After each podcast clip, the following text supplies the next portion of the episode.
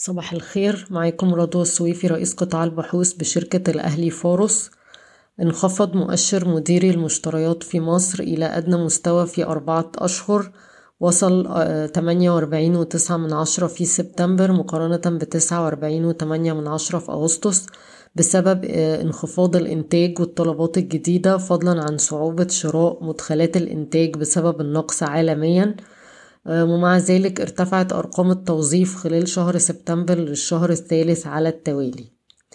ارتفع صافي الاحتياطات الدولية Net International Reserves بحوالي 153 مليون دولار وصل أربعين وتمانية من عشرة مليار دولار في نهاية سبتمبر عشرين واحد وعشرين.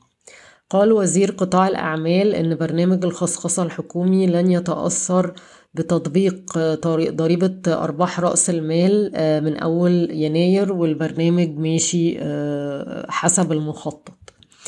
أجرى البنك المركزي المصري تغييرات على برنامج التمويل العقاري. التغييرات كالتالي واحد تمديد فترة الرهن العقاري من عشرين عاما إلى خمسة وعشرين عاما. اتنين إزالة الحد الأقصى لمساحة الوحدة. تلاتة رفع الحد الأقصى لسعر الوحدة لاتنين ونص مليون جنيه مصري. أربعة يمكن للبنوك الآن قبول الضمانات البديلة إذا تعذر تسجيل الوحدة. طيب بنفكركم إن البرنامج ده تم إطلاقه في ديسمبر 2019 وكانت الفايدة على القروض العقارية 8% للأفراد الذين يصل دخلهم إلى 40 ألف جنيه في الشهر والعائلات اللي بيصل دخلها لخمسين ألف جنيه في الشهر. وسعر الوحدات الأقصى اللي هو اتنين ونص مليون جنيه مصري ده في بعض المطورين العقاريين الكبار عندهم وحدات صغيرة من الممكن أن يتم تمويلها من خلال المبادرة للتمويل العقاري. أصدرت هيئة الرقابة المالية لوائح جديدة تسمح للأفراد بالاستثمار في الأوراق المالية الحكومية والأدوات المالية من خلال الشركات الأعضاء في الإيداع والتسوية الشركة المركزية للإيداع والتسوية. آه، تلقت هيئة السكة الحديد آه، عروض من ست شركات لتولي إدارة وتشغيل عدد من خطوط نقل البضائع تحت إشراف وزارة النقل وهيئة السكة الحديد والسويدي من بين مقدمي العطاءات آه، من ضمن الست شركات. شركة أكوا باور السعودية عايزة تدخل في شراكة مع الشركات المصرية لتقديم عطاءات لمشروعات تحلية المياه التي سوف يقدمها الصندوق السيادي المصري. وكان الصندوق السيادي أعلن عن خطة بقيمة 2.5 مليار دولار لتطوير 17 محطة مياه تحلية مياه جديدة. آه وطبعا كانت برضو طلعت أخبار إن أوراسكوم للإنشاءات وحسن علام في مباحثات أصلا مع الصندوق لبناء آه المحطات دي.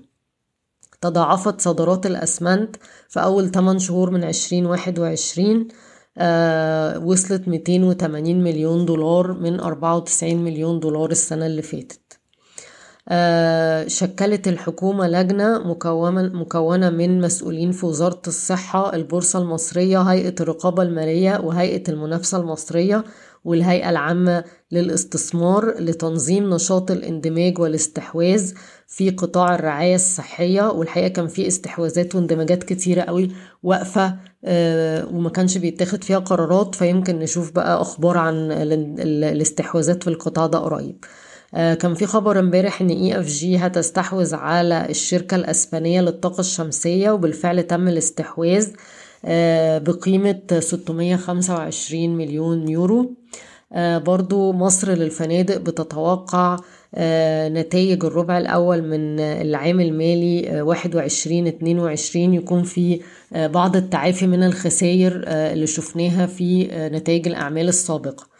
آخر حاجة بس عايزة أذكركم بأسعار السلع العالمية. أهم حاجات فيها طبعا إن النفط وصل 81 دولار أمريكي بعد أن أعلن كبار منتجي النفط إنهم قرروا الإبقاء على سقف الإمدادات.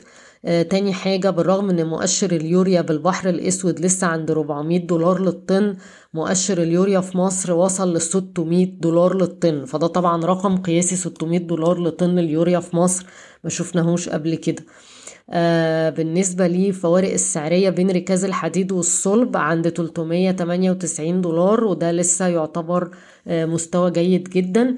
حاجة أخيرة إن الصودا الكاوية عمالة ترتفع وصلت ل 450 دولار للطن تقريبا لأنها متأثرة بالألومنا الطلب على الألومنا وهو الخام اللي بيستخدم في إنتاج الألمنيوم فمع ارتفاع أسعار الألمنيوم زاد الطلب على الألومنا وبالتالي على الكوستك صودا أو الصودا الكاوية.